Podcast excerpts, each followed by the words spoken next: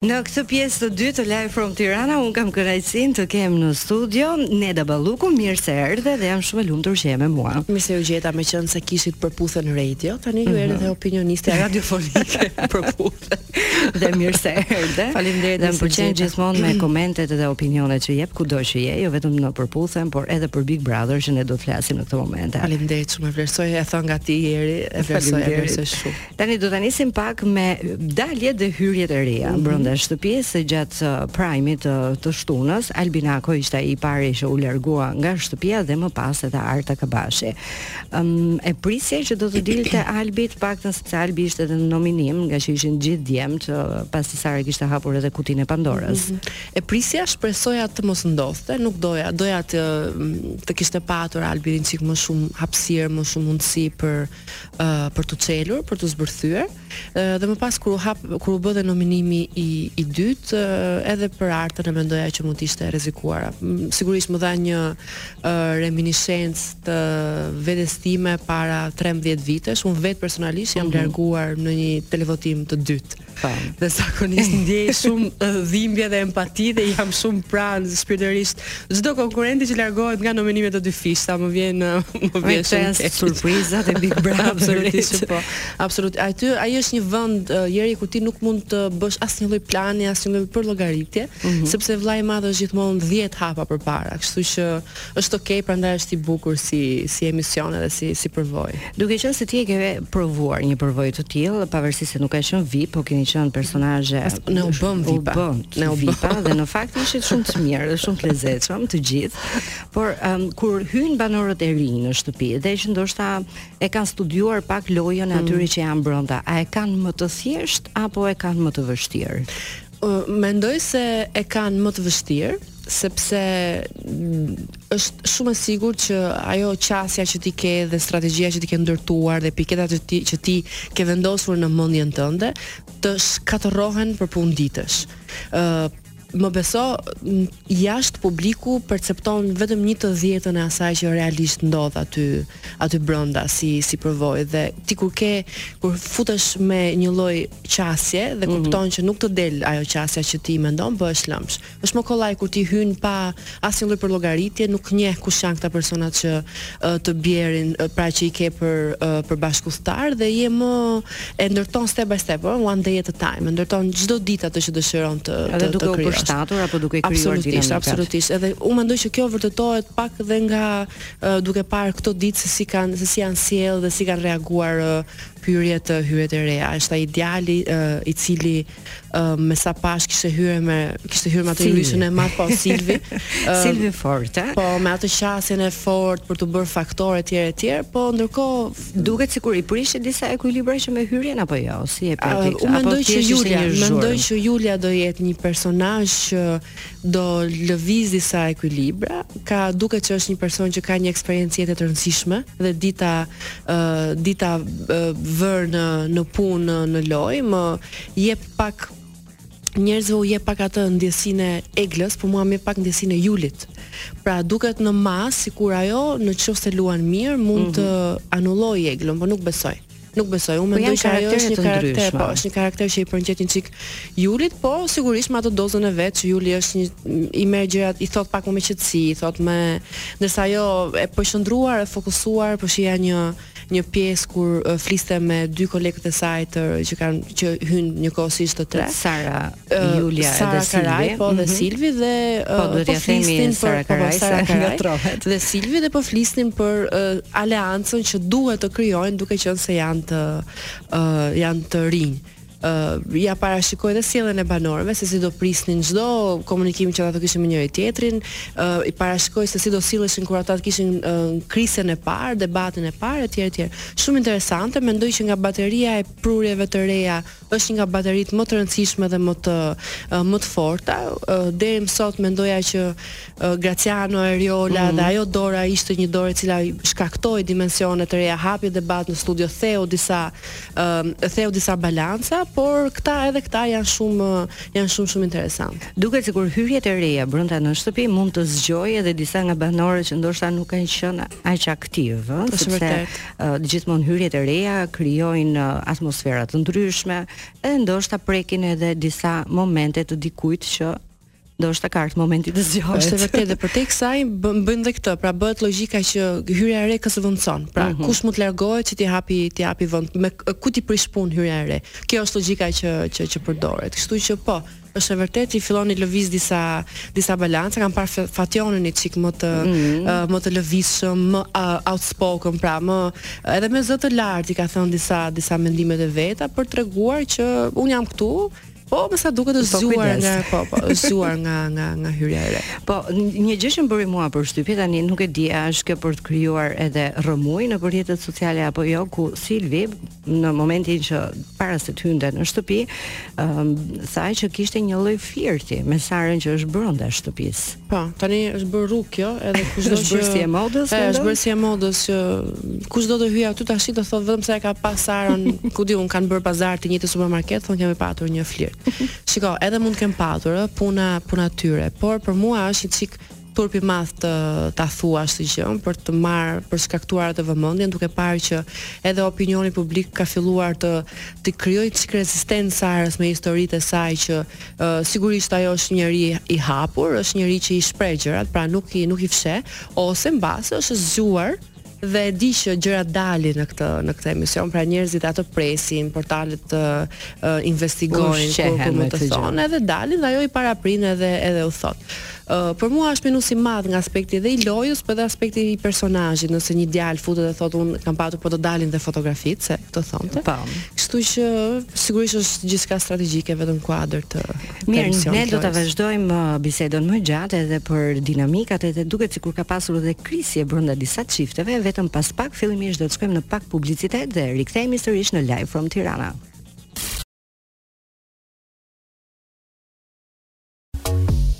Neda tani duhet të ndalemi pak te tre çiftet që duket sikur të gjithë kanë pasur diskutimet, ato krisjet e tyre,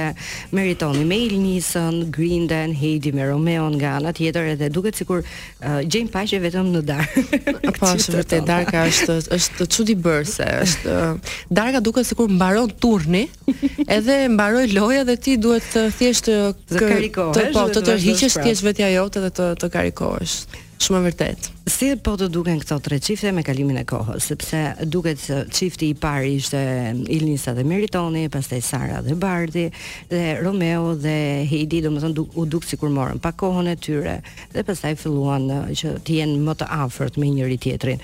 Po A të duket po e marr me të parin sepse po shikoja edhe një video pak më parë Ilnisa me Meritonin kishin një diskutim me njëri tjetrin edhe ai u largua i nervozuar, por a të duket sikur është dashuri e vërtetë, ti vjen nga një format ku gjete dashurinë. Por në këto raste, si e sheh ti marrëdhënien e të treja çifteve? Shiko, unë kam një çik parim që nuk prononcohem um, negativisht ose uh, negativisht është fjalë e madhe, po me mungesë besimi për çiftet që krijohen në Big Brother. Po, është pozitivisht. Jo, prirem që të jem çik neutrale sepse unë kam përjetuar vetë në kurriz mhm. çfarë mm -hmm. do të thotë që të të bëhet gjyqi publik që a duheni vërtet ju apo nuk duheni vërtet. Por, ë uh, sigurisht unë them në bazë të asaj që perceptoj dhe që dhe që shoh, ë uh, është mendimi im personal, të mos merret fare si si kapital dhe sigurisht nuk e kam fare qasjen për t'i paragjykuar, por ajo që unë shoh është ë uh, të tre çifte të ndryshëm shumë me njëri tjetrin. Mm -hmm. uh, ti përmende rastin e parë të Ilnisës dhe Meritonin. Ai është një çift loje. Nuk është një çift i vërtetë. Ata janë një çift siç janë çift tek, ku ti quajn te seriali House of Cards. Pra kanë një qëllim për të shkuar larg.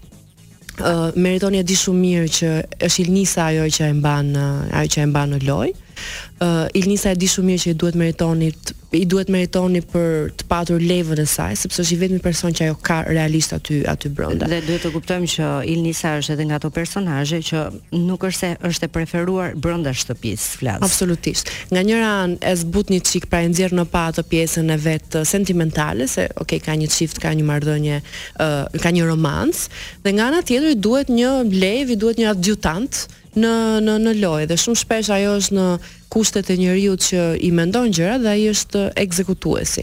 Ë uh, ka një strategji të mirë, mendoj që shumë shpejt do fillojë një garë, një luftë më saktë mm -hmm. përmes çifteve me me me njëri tjetrin, pra kush kush ia del si si skuadër. Ë uh, në këtë mes futet uh, Sara dhe Bardhi, që mendoj që Bardhi ka një pëlqim të vërtet, ka një tërheqje fizike shumë të vërtet për Sarën. Sara mund ta ketë xhan, mund ta respektojë, po është lojtare, Sara ngryset dhe gdhihet me mendjen te te loja. Uh, u afrua me Bardhin kur ishte në nominim, uh, e mban gjallë marrëdhënien sepse duhet të jetë gjallë, uh, duhet të jetë gjallë marrëdhënia, ndonjëherë më duket sikur edhe nuk e duron. Po herë të tjera pastaj sikur po po sikur zbutet, shikoj e kundërta funksionon, ëh, mhm. mhm, e kundërta funksionon.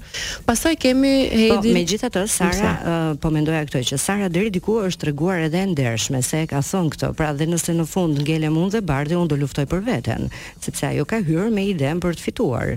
Pavarësisht shumë bën, krijon apo jo romanca brenda. Shumë bën Pavarësisht se unë mendoj që ne si shoqëri automatikisht e vëmë në çift, e vëmë vajzën në e vëmë vajzën në shërbim të lojës së, së mashkullit të, të çifteve. Fatkeqësisht tendenca gjithmonë ka qenë që të anulohet loja e vajzës, mua më ka ndodhur vetë personalisht. Mm -hmm. Domethënë, unë momentin që jam lidhur në në Big Brother, krijova një në mendjen time një kompleks shumë të madh për lojën time personale.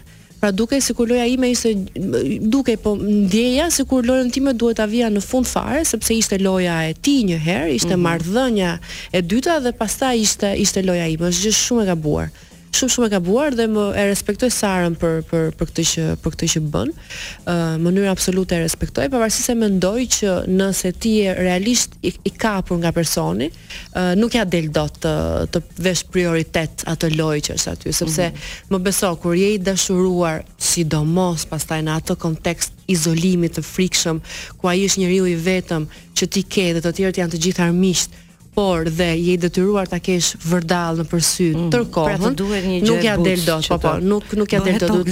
Duhet të jetë, po po, është tokëzim që nuk çtokëzohet në asnjë në asnjë moment. Është është krejtësisht e pamundur dhe shumë shpesh këtë e shoh te Edi dhe te te Romeo, kisha menduar që kisha menduar them të drejtën që Romeo kishte një qëllim konkret për të krijuar një marrëdhënie në në atë lojë sepse e di që funksionon. Ëh, mm -hmm. uh, mendoj që ai e di fuqitë që i ka si djalë, që është një djalë simpatik, interesant, i humorit, ndonëse ja kam parë shumë të zbehur këtë pjesën e tij të humorit në uh, në shtëpi, do kisha dashur ta shija akoma dhe më shumë. Unë e ndjek, më lër të flas, është Ai është një moderator modern, mm -hmm. është një moderator i bukur, është për t'u parë në të gjithë dinamikat që që krijon, sidomos tek pjesa e humorit. Kjo i ka i është zbehur shumë, i është zbehur shumë raporti që ka me me uh, me lojtarët e tjerë dhe kjo tregon që uh, mund të jetë realisht i kapur nga nga kjo është vajza. Është bërë më emotiv mendon Romeo sepse e pati edhe thyerje me Meritonin që ishin miq, dhe duket sikur i prishi të gjithë ekuilibrat sepse u mposht nga emocionet. Po jo, me Meritonin ai u prish sepse bëri mirë, mm -hmm. bëri mirë sepse unë kam ndjekur atë debatin e, e pishinës së së, së famshme. Absolutisht, kështu që ai ia tha Meritonit gjëra që meritonte, pavarësisht se unë mendoj që nga aspekti i lojës u nxitua, sepse uh, ka qenë java që doli Graciano, kur ndërkohë mund ta kishte injoruar tërësisht atë sjelljen e, e Meritonit dhe rrezikonte shumë Meritoni atë atë javë. Po e di çfarë Uh, ajo është një lojë që unë e kam thënë madje kam qenë në këtë studio kur e kam thënë javën e parë të Big Brotherit që miqtë e fillimit janë armiqtë e fundit dhe armiqtë e fillimit janë miqtë uh, me armiqtë e fundit.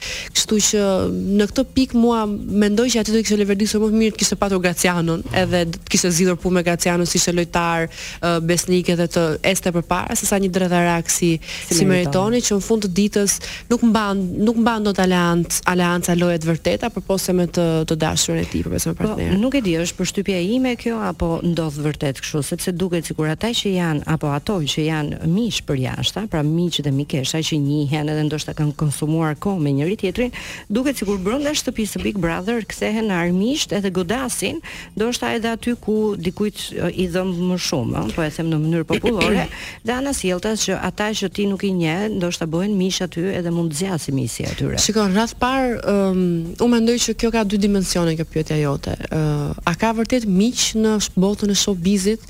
Pra duket, meqenëse ne jemi të famshëm, unë u bëra e famshëm, ti je i famshëm, Hallërim bashkë edhe kalojmë kohë bashkë, bëjmë ca stories në Instagram dhe u bëm automatikisht miq.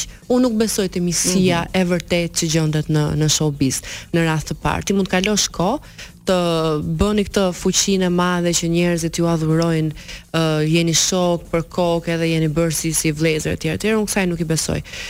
Dhe e mbështes pikërisht aty që Ti kur je në atë format, ambicia për të çarë përpara, ambicia për të fituar, loja që është provokuese nga mëngjesi në darkë, e nxjerr zbuluar këtë gjë.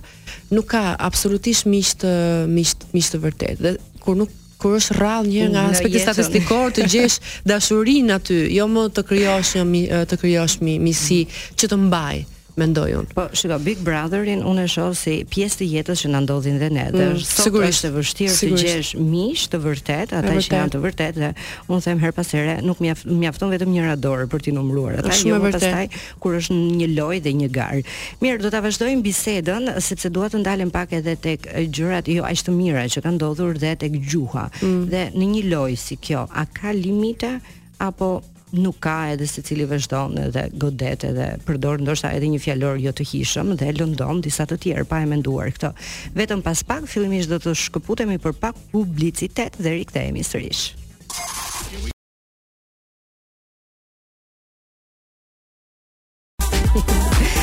Vazhdojmë të jemi me Dafina Lukën në Live from Tirana dhe jemi duke folur për Big Brother, për ata që u larguan, ata që hynë edhe për çiftet. Tani dua të ndalem pak tek një mm, gjë që ndodhi dhe u diskutua edhe gjatë prajmit.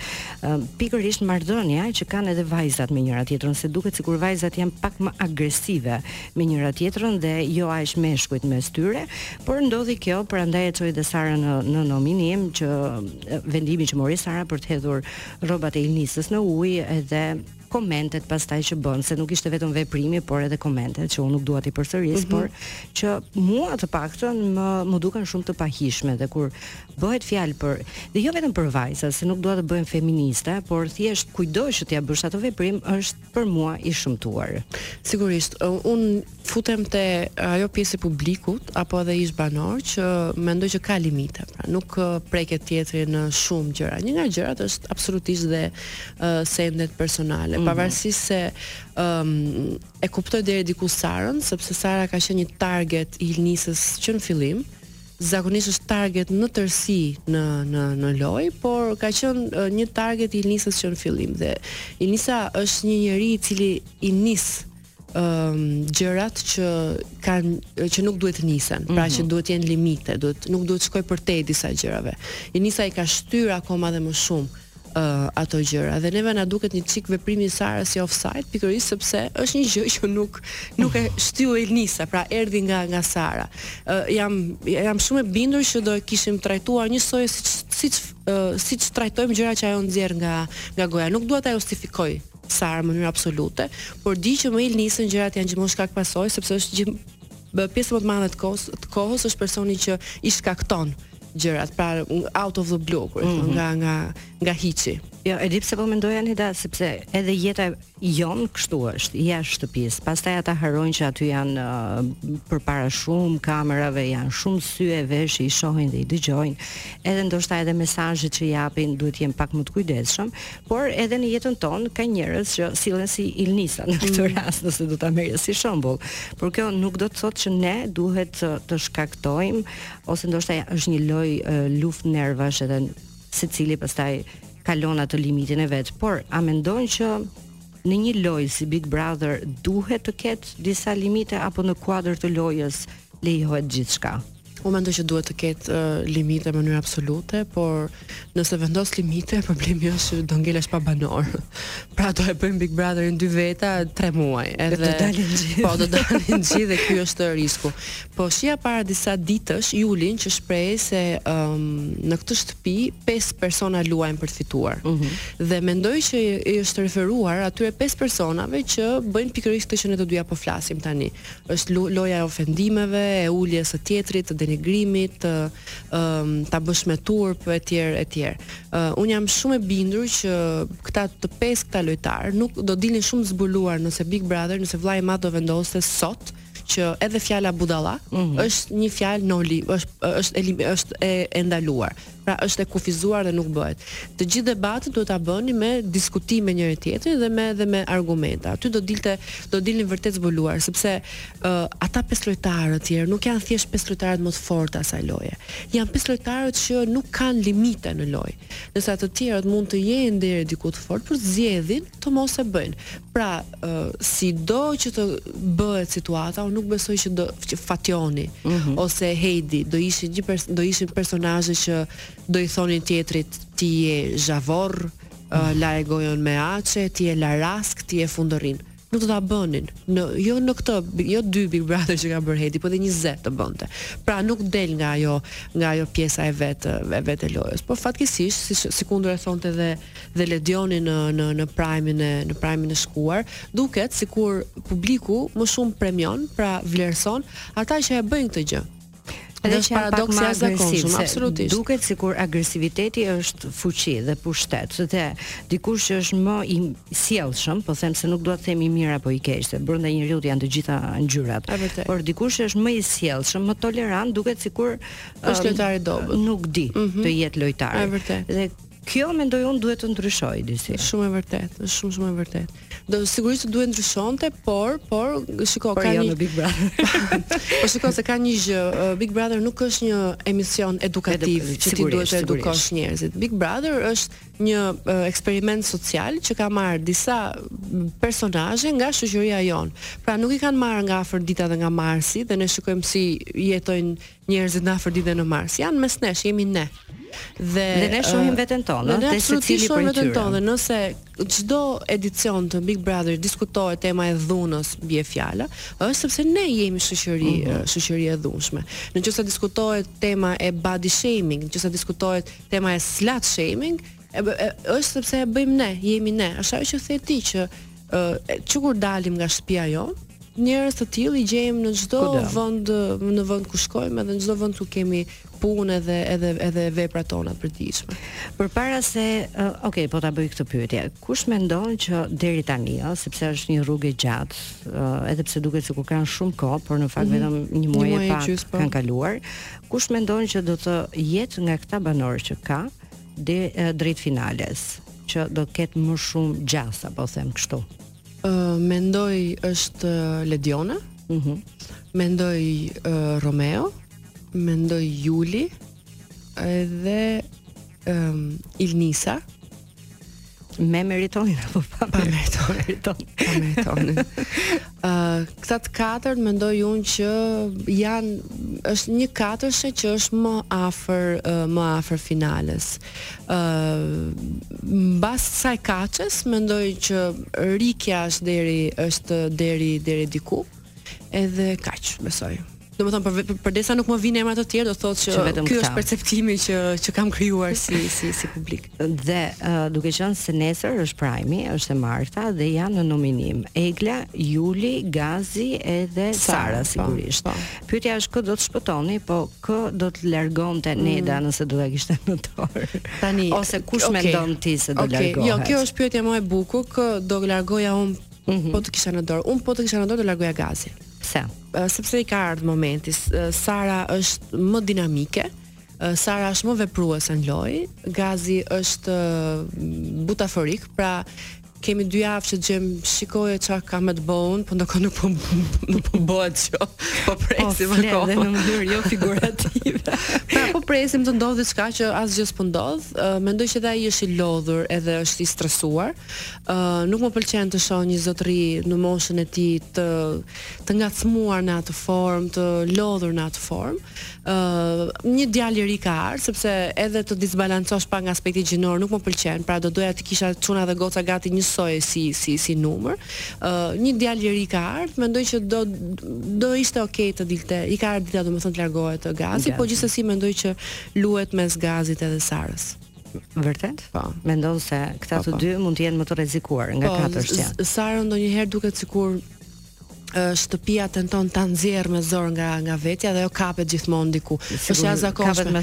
Më beso Sara është personazhi më i nënvlerësuar aty në në në shtëpi. Është një goc nga të gjitha gocat, hiq mbase ndonjë Ilnis edhe Eglën, është vajza që më mirë e kupton lojën dhe më mirë e analizon lojën. Por është një personazh që nuk merret seriozisht, duke patur parasysh që është një çik um, e pasigurt, duke patur parasysh që krijon inflacion komunikim, duke patur parasysh që tenton të jetë pjesë e çdo, sidomos në fillim, tashi duket që është çilluar pak, të jetë pjesë e çdo dinamike apo çdo vatre konflikti mm -hmm. apo diskutimi që bëhet. Dhe këto kjo kjo është skartuar si figurë që në fillim, po është shumë e nënvlerësuar dhe doja shumë që për sa kohë edhe të ishte pak vetëm, më të mos ishte më pjesë e atij çifti që është për të për, për të luajtur. Pra, në në, në konceptin e të kuptuarit lojës dhe të luajturit siç duhet, është njësoj si Egla dhe si Ilnisa do do do thoja unë. Madje edhe më mirë se se Ilnisa, mm -hmm. është shumë shumë më lart. Pra, nga nga djemtë vetëm Juli është i aftë ta bëj logjikën e lojës siç duhet për mendimin tim. Po. Ëm um, doja të përmendja pak Franceskën, sepse është një ndër banoret e reja relativisht, por duket sikur Franceska ka krijuar dinamika mjaft interesante dhe ka ngacmuar mm. disa uh, tela aty ku duhet. Po, shpresoj të mos jetë duke bër kastile, por kjo gjëja e të futurit shoq third wheel-i, pra rrota e tretë, shoqja që futet mes mes çiftit duket sikur është pak ë gjëja kryesore për cilën ajo po bën dinamik, bëri një gabim te pishina se t'isha unë vendin e saj me atë shtyrën e eglës, mm -hmm. isha, isha hedhur vetë, kisha bërë simulim. VAR aty ka, po hajde është për të diskutuar, kupton edhe ti me atë rast e nxirrje ose në nominim ose nxirrje me zarf të zi një konkurrente shumë të fortë, do duhet të ishe treguar më më e zgjuar. Më e shkathët. Po, ka sepse njeriu që flet shumë është njeriu që dëgjon pak, duhet bësh të kundërtën sepse të jepet dhe mundësia të të reflektosh. Gjithsesi, në qoftë se ajo i qëndron kësaj dinamikës që të bëhet si shoqja që prish çiftin apo është në mes të çiftit, Edhe disa javë të tjera i ka, i ka në I kap. po po i kap. Disa prime të tjera i i kap. Se gjithmonë është kjo lufta kush do jetë në prime në qendër të vëmendjes, se kuptohet. Mm. Po. Është Mm. ndryshe këtë vit, ë, se kur kemi qenë ne, kur të bëheshe ankth ajo ai episodi, ai prime që do dalë klipi jot çka ke bërë gjithë gjithë javën. Të fuste një ankth edhe një frikë të f- të të të jashtëzakonshme. Dhe kur dilje që një natë që s'e kishe kap prime-in, ishe ishe kështu rehat, po po, merre frymë thellë që ah s'u morën me mua se ja. Por tani ka ndryshuar. Tani ka ndryshuar gjë sigurisht. tani do të kisha dalë vetëm për 3 ditë, merrja valixhat do. E fundit fare, duke qenë se jemi në limit. A do pranoje një ftesë për të qenë pjesë sërish e shtëpisë së Big Brother? Jo, jo, jo, absolutisht. E para për shumë arsye, nuk rri dot pa fëmijët. Mm -hmm. Kam shumë respekt për nënat që e bëjnë. Po unë nuk do e, nuk jam, nuk e bëj dot në mënyrë absolute të mos kem komunikim me fëmijët. Po edhe sikur fëmijët e mi të ishin shumë të mëdhenj, pra që nuk do kishin një nevojë uh, esenciale siç kanë sot jetike për për mamin, uh, jam në një moment jetë që nuk kam nevojë të vërtetoj asgjë askujt. Jam jam shumë okay me veten time Më janë dashur 15 vite, 13 vite për të arritur këtu ku jam, po kam ardhur dhe nuk do lejoja që asgjë të ma të ma hiqte rehatinë që kam sot me me bashkëjetesën me veten time. Kështu që absolutisht. Pastaj kush ma var mua, po, njeri. Jo, jo, po, se nuk dua të bëj këtë bisedë tani. Neda, unë dua të të falenderoj shumë e dashur që ishe me mua, të uroj ditën e mbarë dhe jam e bindur që do ritakohemi sërish. Faleminderit shumë, faleminderit. Faleminderit Ne miq shkojmë në pak publicitet ju qëndroni me Top Radio me Live from Tirana. Triumfi i vërtetë.